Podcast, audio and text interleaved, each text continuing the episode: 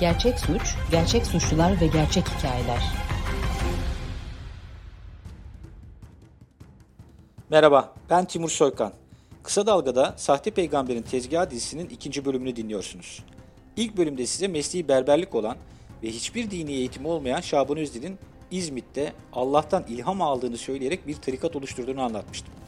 Mihraç yaptığını yani göğe yükselip Allah ve öte alemleri gördüğünü anlatan sahte peygamber kendisiyle buluşanların hacca gitmesine, namaz kılmasına gerek olmadığını söylüyordu. Faizin en büyük günah olduğunu, kendisine verilen sadakanın ise cennet yolunu açacağını anlatan şey elbette müritlerinden bol bol para topluyordu. Onlarca yıldır İzmit'te Hayırseverler Camisi'ndeki çay ocağında dini sohbetler yaparak tezgahını sürdüren Şaban Özdil, 2019 yılında deşifre olmuştu. Tarikata yeni katılan 23 yaşındaki Şamil Tayyip K. 48 bin lirayı şeyhe sadaka olarak vermiş, bu parayı zorluklarla biriktiren dar gelirli ailesi şikayetçi olmuştu. Sahte peygamber parayı aileye iade ederek kurtulduğunu sanıyordu. Ancak öyle değildi. Polis onu ve çekirdek ekibini çoktan takip almıştı. Telefonları dinleniyor, takip ediliyorlardı.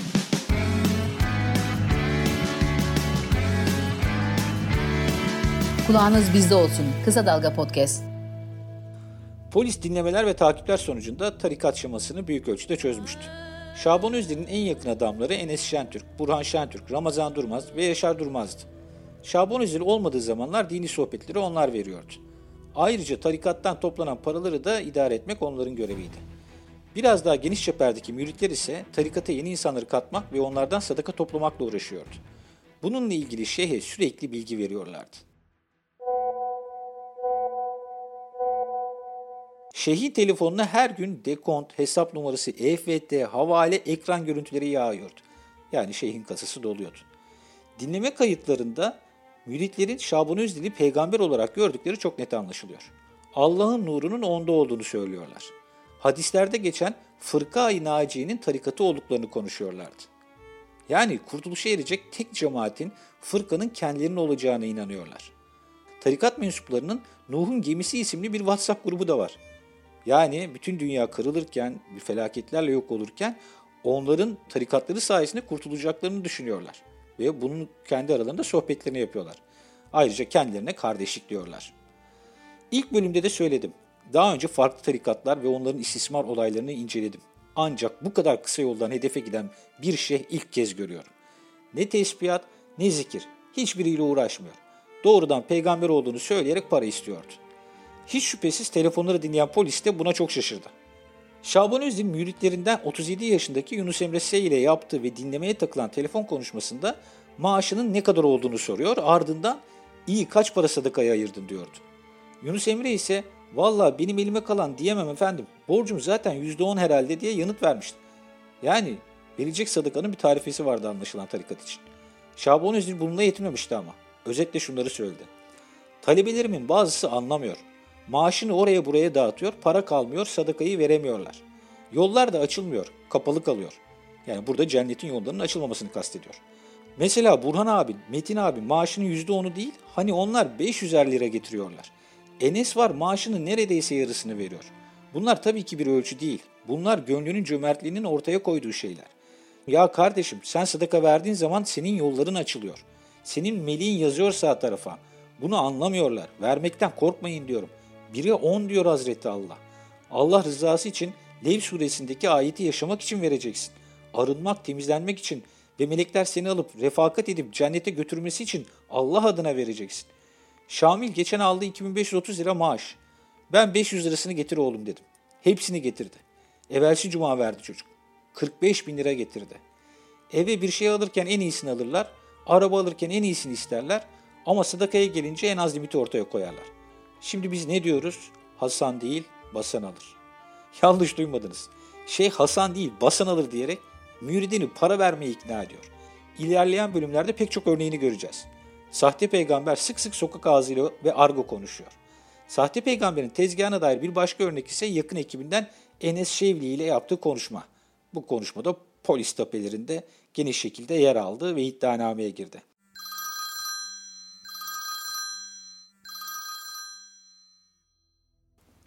Karamürsel ilçesinde tersanede çalışan 29 yaşındaki Enes hazırladığı yeni mürit konusunda şeyhe bilgi veriyordu. İş yerinden arkadaşı Mesut G'yi tarikata katılmaya ikna ettiğini söylüyordu bu görüşmede. Mesut'un da Şeyh ile görüşmek istediğini anlatıyordu. Şaban Özdil ise yansın biraz daha diyerek gülmüştü. Enes'e yeni müritini etkilemesi için söylemesi gereken sözleri tek tek anlattı. Enes ise şöyle demişti. Hani siz dediniz ya maaş aldığı zaman bin lirasını iste diye. Şaban Özdil verir mi diyerek gelecek paradan emin olmak istiyordu. Enes ise şöyle yanıt verdi. Zaten psikolojik olarak hazırlıyorum. Ayetlerle imtihana tutulacaksın. İman ettik demekle mesele bitmiyor. Allah'ın bazı imtihanları var diyor. Tape kayıtlarında Şaban Özil gülerek müdetinden memnun olduğunu belli ediyor ve şöyle konuşuyor. Bayağı iyi yetiştirmişsin. Maşallah aferin sana aslan oğlum benim. Ayın 30'unda söylersin. Yüz görümlülüğü dersin. Bakalım ne yapacak. Kısa süre sonra Şaban Özdil Mesut ile telefonda konuştu. 32 yaşındaki Mesut Efendimiz dediği Şaban Özdil'i görmek istediğini ısrarla söylüyordu. Şey şöyle yanıt verdi. Ama biz maaş almadan zaten görüşmüyoruz. Yüz görümlülüğü bir maaş istiyorum. Nasıl olacak bu? Mesut'un delinen telefon görüşmelerinden maddi durumun hiç iyi olmadığı anlaşılıyordu. Hatta bir dönem şeyhe vermek için borç para bile aramıştı. Annesinden 200 ve 250 lira alıp onun adına sadaka olarak Şaban Üzdil'e vermişti. Kayınçosunu da tarikatı ikna etmeye çalışıyor ama bir türlü başarılı olamıyordu. Aylar sonra operasyonda gözaltına alınan Mesut maaşını Şaban Üzdil'e verdiğini ancak maddi durumu kötü olduğu için şeyhin hemen parayı kendisine iade ettiğini söyledi. İfadesinde Rafet Efendi'nin Allah dostu olduğunu anlatıyordu. Şeyhi korumak için yalan söylemediğine polisleri ikna etmeye çalışıyordu sürekli. Enes ise bunun bir sınav olduğunu, para istenmesinin nedeninin müritin samimiyetini ölçmek olduğunu anlatmıştı ifadesinde. Bağımsız, objektif, kaliteli haber. Kısa Dalga Medya. Enes ve eşi Betül Şevli tarikata yeni üyeler katmak için çok çalışıyor ve böylece şeyhlerinin gözüne giriyor, ibadet ettiklerine inanıyorlardı. Betül Gaziantep ve Kütahya'da yaşayan 3 kız kardeşi ile 2 yeğenini şeyhin müridi yapmıştı. Yani neredeyse bütün ailesini tarikata katmıştı. 2019'un Şubat ayında Betül'ün İzmit'teki evine Kütahya'da yaşayan kendisiyle aynı yaştaki yani 24 yaşındaki yeğeni Sema Y'ye gelmişti. Betül uzun süredir onlara Rafet Efendi'den bahsediyordu. Bir akşam eve şeyh kadınlı erkekli 20-25 kişilik grupla geldi. Şaban Özdi Sema'ya sarılıp hoş geldin kızım demişti. Müritler birlikte yemek yedi. İlahiler okunduktan sonra Şaban Özdil dini sohbete başladı. Gruptan kardeşlik diye bahsediyordu. Sema da dindardı ve tarikata katılmak istediğini söylüyordu. Şaban Özdil o gün onunla özellikle ilgilenmiş ve kendilerinin hakikat yoluna gidenler olduğunu söylemişti. Rafet Efendi sadakadan bahsediyor ve cennet yolunun cömertlikle açılacağını vurguluyordu özellikle. O akşam teyzesi Betül Sema'ya Rafet Efendi'ye yüz görümlülüğü verdin mi diye sormuştu. Sema Kütahya'ya döndükten sonra teyzesi Betül'e PTT üzerinden sadakalar göndermiş. O da Şaban Özdil'e vermişti bu paraları. Betül Kütahya'da yaşayan ablası Zehra'yı da tarikata katmıştı. Zehra da telefonla konuştuğu Şaban Özdil'e önce yüz görümlülüğü ardından sadakalar göndermişti. Dinlemeye takılan bir konuşmada şeyh ona şöyle demişti. Hazreti Allah bu vazifeyi vermiş. Al ki diyor aldığınla ben onları arındırayım. Onların işlerini kolaylaştırayım.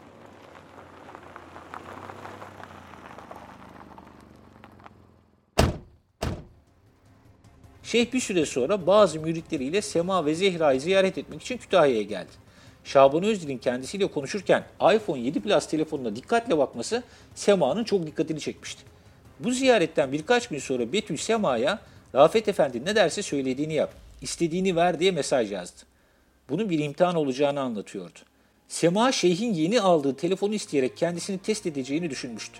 Birkaç gün sonra Şaban Özdil yeni müridini aradı. Sema hissettiğime göre sen yüksek şeyler kullanıyormuşsun. Mümin lükse kaçmaz, kocadan yüksek kullanmaz dedi. Sema haklısınız diye karşılık verdi. Telefonumu mu kastediyorsunuz diye sordu. Şeyh evet diyerek fiyatını sordu. Sema 7000 TL'ye taksitle aldığını söyleyince Şaban Özlü şöyle dedi. Ben zaten biliyordum, hissetmiştim, gönder. Sema telefonu şeyhe gönderdi. Aklında bunun bir sınav oldu ve telefonu geri alacağı vardı. Ancak 2 ay, 3 ay geçti ve halen telefonu geri gelmemişti. Teyzesi Betül'e bunu sorduğunda merak etme imtihandan geçiyorsun, telefon gelecek, sabırlı ol diyerek kızmıştı. Ancak yine kendisini sohbet için arayan şey, mümin lükse kaçmaz. Sana bir miktar para gönderiyorum. Kendine tuşlu bir telefon satın al dedi. Postane aracılığıyla ismine 200 lira gönderdi ve Sema tuşlu bir telefon satın aldı. Bu sırada Sema sadaka olarak para göndermeye devam ediyor. Telefon konuşmalarını polis dinliyordu. Tape kaydında yer alan görüşmede Şaban Özdil bize tamamen üye olan maaşının %10'unu anladın mı mesajı vereyim ben diyordu. Şeyh ayrıca Sema'ya huşuyla namaz kılarken benim üzerime niyet et demişti. Bu tarikatlarda hep vardır. Şeyhin kutsallaştırılmasının bir yoludur. Müritlere ibadet ederken şeyhinin iki kaşının arasını hayal etmesi söylenir. İddiaya göre bir süre sonra şeyh yani Şaban Özdil namazı bırakmasını da müritlerine söylüyordu zaten. Ancak Sema aylar geçmesine karşın telefonunu geri alamayınca şüphelenmeye başlamıştı. Bir telefon konuşmasında Şaban Özdil'e ailem telefonumu sordu. Bu durumdan haberleri olursa işler kötüye gidebilir diyordu. Polisin sahte peygambere yaptığı operasyonun ardından ifadesi alınan Sema yaşadıklarını anlattı ve şunları ekledi. Rafet isimli kişinin gerçekten din adına bir şeyler yaptığından şüphe duymaya başladım. Artık benden miktar belirtili para istiyordu. Kendisinin evliya olduğunu söylüyordu. Gördüğüm kadarıyla Şaban Özdil'in mal varlığı iyiydi. Bindiği araba lüks ve büyük bir arabaydı. Dini sohbetlerinde talebelerine ben size babalık yapıyorum. Anne ve babalarınızdan daha fazla hakkım var üzerinizde diyordu. Ben sizin öz babanızım diyordu.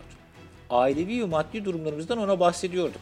Benim nerelere borcum olduğunu, ne kadar maaş aldığımı biliyordu. Ne kadarını kendisine göndereceğimi, ne kadarını borçlarıma dağıtacağımı o söylerdi. Telefonda bana aslında bildiğimiz bir şey yok. Bildirdiği için biliyoruz. İşte bizim farkımız bu onlardan. Kitaptan ve kulaktan dolma bir şeylerle bildiklerini zannediyorlar. Bize kulaktan, dışarıdan değil, içeriden geliyor haberler diyordu. Yani Allah'la görüştüğünü kastediyordu. Şaban Özlü ise bu olayla ilgili ifadesinde iddiaları kabul etmedi. Şunu unutmayın, size anlattıklarım polisin sadece 8 aylık takibi sonucu öğrendiklerimiz. Onlarca yıldır sahte peygamberin tezgahında kim bilir neler neler yaşandı. Bilmiyoruz. Gerçek suç, gerçek suçlular ve gerçek hikayeler. Soruşturmanın devam ettiği sırada şeyhi altınlarını getirmek için çabalayan yeni bir mürit dikkat çekiyordu dinleme kayıtlarında. Adı Muhammed Seyit Ye. O da Betül Şevli'nin yani neredeyse bütün kardeşlerini tarikata katan müridin abisi. 28 yaşında ve Gaziantep'te yaşıyordu. 2 yıl önce evlenmişti ancak uyuşturucu ve kumar batağına saplanmıştı. Betül bir çıkmazda olan abisine Rafet Efendi'den bahsetmiş ve onunla telefonda konuşmasını istemişti. Çok kötü durumda olan Muhammed Seyit, Şaban Özdil'in dini sohbetlerinden etkilendi. Şeyh onu İzmit'e çağırdığında kabul etti. 2019 yılının ortalarında kardeşi Betül ve Enes Şevli'nin evine gelmişti. Şeyh ile görüşmek için Enes aracılığıyla 500 lira yüz görümlülüğü gönderdi. Şeyhin yanına giderken cebinde 3000 lirası sadaka için hazırdı. Bu parayı alan Şaban Özdil ona bir ev kiraladı, tersanede işe girmesini sağladı. Dini sohbetlere katılan Muhammed Seyit'in hayatı gerçekten düzene girmişti. Uyuşturucu kullanmıyor, kumar oynamıyordu. Gaziantep'te yaşayan eşi, annesi, babası da bundan çok mutluydu. Muhammed Seyit'in annesi de şeyhi yüz görümlülüğü olarak para göndermiş. Hatta kendisini görmek için İzmit'e gelmek istediğini söylemişti. Polisin tarikata yönelik operasyonundan sonra ifadesi alınan Muhammed Seyit tarikata katıldığı dönemi şöyle anlatacaktı. Bu ifade tarikatın işleyişini anlamak açısından da çok önemli. Şunları söylemişti. Ben Rafet Efendi ile görüştükten bir süre sonra Allah bana lütuf verdi. Göğüs kafesimde bir ferahlama hissettim. Şaban Özdil Allah'ın dostu olduğu için onun sayesinde bu lütuf bana verildi. Şaban Özdil bir peygamber değildir. Ancak mürşidi kamil, nefsin yedi makamını geçendir. Şaban Özdil bize evliya olduğunu söyler. Kendisinin mucizevi olarak yüzünde bir parlaklık olan nur görürüz. Şaban Özdil kendisine nur geldiğinde bize söyler ve o an gören görür. Ben de kendisine nuru gördüm. Ben buna şahidim. Rafet Efendi kardeşleri hitaben hepimiz ölünce sizi alıp cennete ben götüreceğim. Ayette yazdığı gibi her ümmet kendi imamı ile çağrılır dedi. Muhammed Seyit ibadet biçimleri hakkında net konuşmuştu ifadesinde.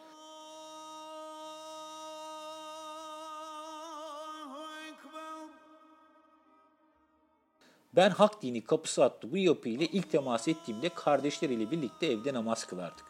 Ben de Şaban Özdil'in bana anlattığı namazdan sonraki namazı anlayınca gerçek namazı fark ettim, öğrendim. Namaz kılmadan Allah'ın huzurunda olduğumu anladım. Beni alıştırmak amaçlı ilk buluştuğumuzda namaz kılardık. Ben de artık diğerleri gibi namaz kılmıyorum. Cuma günü buluşmalarında Rafet Efendi ile görüşeceğim için cuma namazını kaçırıyorum. Ancak Rafet Efendi ile buluşacağım için daha çok sevap alıyorum. Evet Muhammed Seyit'in artık çok farklı bir hayatı vardı. Şaban Özdil'in sürekli olarak sadakanın önemini vurgulaması da onu etkilemişti. Gaziantep'te babasına verdiği düğün altınları duruyordu. Satılırsa 30 bin lira ederdi. Bunu anlattığı Şaban Özdil altınları getirmesini istedi. Ancak Muhammed Seyit'e babası altınları vermedi. Polis telefon dinlemelerinde Şaban Özdil'in altınları alabilmek için çok sayıda konuşmasını tespit etmişti. Bir konuşmasında Enes Şevli'ye Muhammed Seyit'in babasını ikna etmek için neler söylemesi gerektiğini anlatıyor ve seni ararsa biz oyun yapalım, öyle dersin diyordu. Enes Şevli daha sonra Şaban Özdil'i arayarak talimatlarını yerine getirdiğini şöyle anlatmıştı. Konuştum Muhammed ile. Mutlaka onları bu konuda yani gerekirse hile yaparak, gerekirse kandırarak vesile olmaya çalış dedim. Polis operasyonundan sonra şikayetçi olarak ifadesi alınan Muhammed Seyit'in babası Abdülkadir Y ise çocuklarının Şaban Özdi tarafından kandırıldığını söyledi. Şeyhin müridi yaptığı kişileri İzmit'e çağırıp buraya yerleşmelerini sağladığını anlatan Abdülkadir Y şunları anlattı. Oğlum iki sene önce evlendi. Düğünde takılan altınlar halen bende bulunmaktadır. Oğlum bu şahısların etkisi altına girdikten sonra altınları istedi. Hatta damadım Enes oğluma baban altınları vermezse onlara res çek demiş. Ben bu altınları vermedim. Oğlumun çeşitli borçlarını ödedim. Kızım Betül de bu şahısların etkisi altına alınmıştır. Bu şahıstan bahsediyor. Onun Mehdi olduğunu, peygamber soyundan geldiğini savunuyor. Evet, babaları bunları söylüyordu. Hem Betül'ün hem Muhammed Seyit'in. Abdülkadir'ye diğer kızları ve torunlarının da şeyhe para kaptırdığını, bir dönem mürit olduklarını ifade verdikten sonra öğrenmişti. Altınları teslim etmeyen Muhammed Seyit Şaban Özdil'e şöyle bir mesaj attı. Ailem izin vermiyor. Ben bu hak dini kapısından ayrıldım. Mahcup olduğunu söylüyordu mesajlarının devamında. Antep'te eski arkadaşlarının yanına dönmüştü. Bu sırada bir trafik kazası geçirdi. Bunu şeyhten ayrılmasına bağlamaya zaten hazırdı. Şaban Özdil de tarikatın içinde kerametini ortaya koyacak bir fırsat yakalamıştı. Muhammed Seyit de benim yolumdan ayrıldığın için başına bunlar geldi. Tekrar İzmit'e dön diyordu. Muhammed babasından yeniden altınları istedi ama yine başaramadı. Tarikata yönelik polis operasyonundan sonra Muhammed Seyit'in ifadesi şöyle bitiyordu. Rafet Efendi bir evliyadır. Benim kötülüğümü düşünmez. Ben Rafet Efendi sayesinde iyi bir hayat yaşıyorum. Ve Allah'ın kurallarına uyduğum, Rafet Efendi'ye tabi olduğum sürece cennetliyim. Şaban Üzlü ise neredeyse tüm olaylarla ilgili ifadelerinde yaptığı gibi ben altın ya da para istemedim. Kimseden böyle bir talebim olmadı diye konuşmuştu. Tape kayıtlarındaki sözleri de kabul etmemişti. Gerçek suç, gerçek suçlular ve gerçek hikayeler. Allahu Ekber, Allahu Ekber. Allah.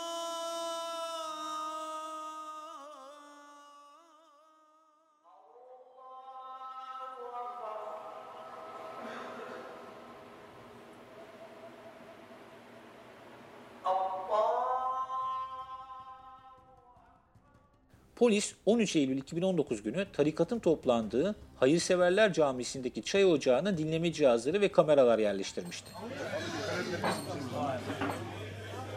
Sivil polisler caminin çevresinde ve içindeydi. İnce uzun birleştirilen 3 masanın çevresinde 17 kişi oturmuştu. İlk dikkat çeken Şaban Özer'in yanında oturan yeni müritti. Polis önceki telefon dinlemelerinden bu kişiyi tanıyordu. Altınları bir türlü şeyhe veremeyen Muhammed Seyit'in Gaziantep Şahin Bey'den tarikata katılmak için gelen arkadaşı Kazım Ağa'ydı. Şaban Özdil'in telefonda kendisiyle yaptığı dini sohbetlerden etkilenmişti o da. 300 lira ve bir çeyrek altın yüz görümlülüğü olarak gönderdikten sonra İzmit'e davet edilmişti. Dinleme kayıtlarına göre Şeyh 13 Eylül 2019'daki sohbette kardeşlikle tanıştırdığı Kazım'a dönüp şunları söyledi. Bir yere giderken bir sürü şekilde gidebilirsin. Sürünerek, yürüyerek, arabayla, otobüsle ama ben seni uçurarak götüreceğim. Hem de giderken namaz filan da istemiyorlar. Yani şey yine bir kampanyadan bahsediyormuş gibi konuşuyor tarikatını anlatırken. Burada söylediklerim sana ters gelebilir. Bu normal. Burada oturanlara da ilk başta ters geliyordu ama onlar da iman ettiler. Allah'ı sevmeye gelmişsin. Sen onu geç, onu göremezsin. Önce beni sev. Ben sana onu sevdiririm. Sen cennete düştün. Şaban Özdil'in ilk kez gelen müritlere hep söylediği sözlerdi bunlar. Bu sırada diğer müritler Kazım'a Allah şu an seninle özel olarak ilgileniyor. O yüzden Rafet Efendi ile konuşuyorsun diyorlardı. Dini sohbet 3-4 saat sürmüş. Şaban Özil ayetlerden bahsetmişti. Kazım sohbetin sonunda tamam ben de varım. Sizin aranıza katılmak istiyorum dedi. Şeyh sana Allah'ı sevmeyi öğreteceğim diyerek karşılık verdi ve müritlere sordu. Kardeşler şahit misiniz? Masadakiler hep birazdan bağırdılar. Şahidiz. Bundan sonra şeyh konuyu tekrar sadakanın önemine getirmiş ve Kazım'a banka hesap numarası da vermişti. Şaban Özdil'in sorunları olan insanları hedef aldığı çok net bir şekilde görülüyor. Müritlerine namaz kılmadan cennete götürmeyi vaat etmesi de çok çok ilginç. Sadece 8 aylık teknik taahhütle ortaya dökülen daha çok fazla olay var. Üçüncü bölümde size dubleks evini yazdığını dergaha veren adamı anlatacağım. Sahte peygamberin müritleriyle WhatsApp yazışmalarında ise tarikatı daha yakından tanıyacağız. Emojiler, YouTube'dan şarkılar eşliğindeki çok sığ sohbetlere ve şeyhin megalomanlığına tanık olacağız. Şeyhe ben kullandığınız araç gibiyim. Siz direksiyonu nereye çevirirseniz oraya giderim diyenleri, Hazreti Rafet diye hitap ettikleri şeyhin mucizesine şahit olduğunu sananları dinleyeceksiniz. Üçüncü bölümde görüşmek üzere. Hoşçakalın.